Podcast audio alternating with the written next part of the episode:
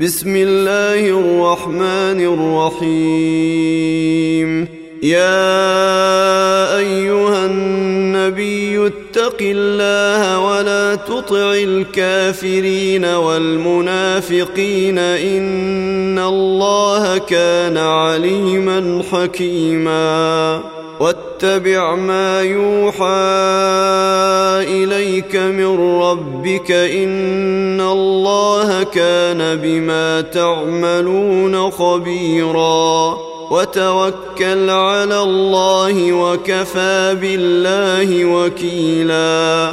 ما جعل الله لرجل من قلبين في جوفه وما جعل ازواج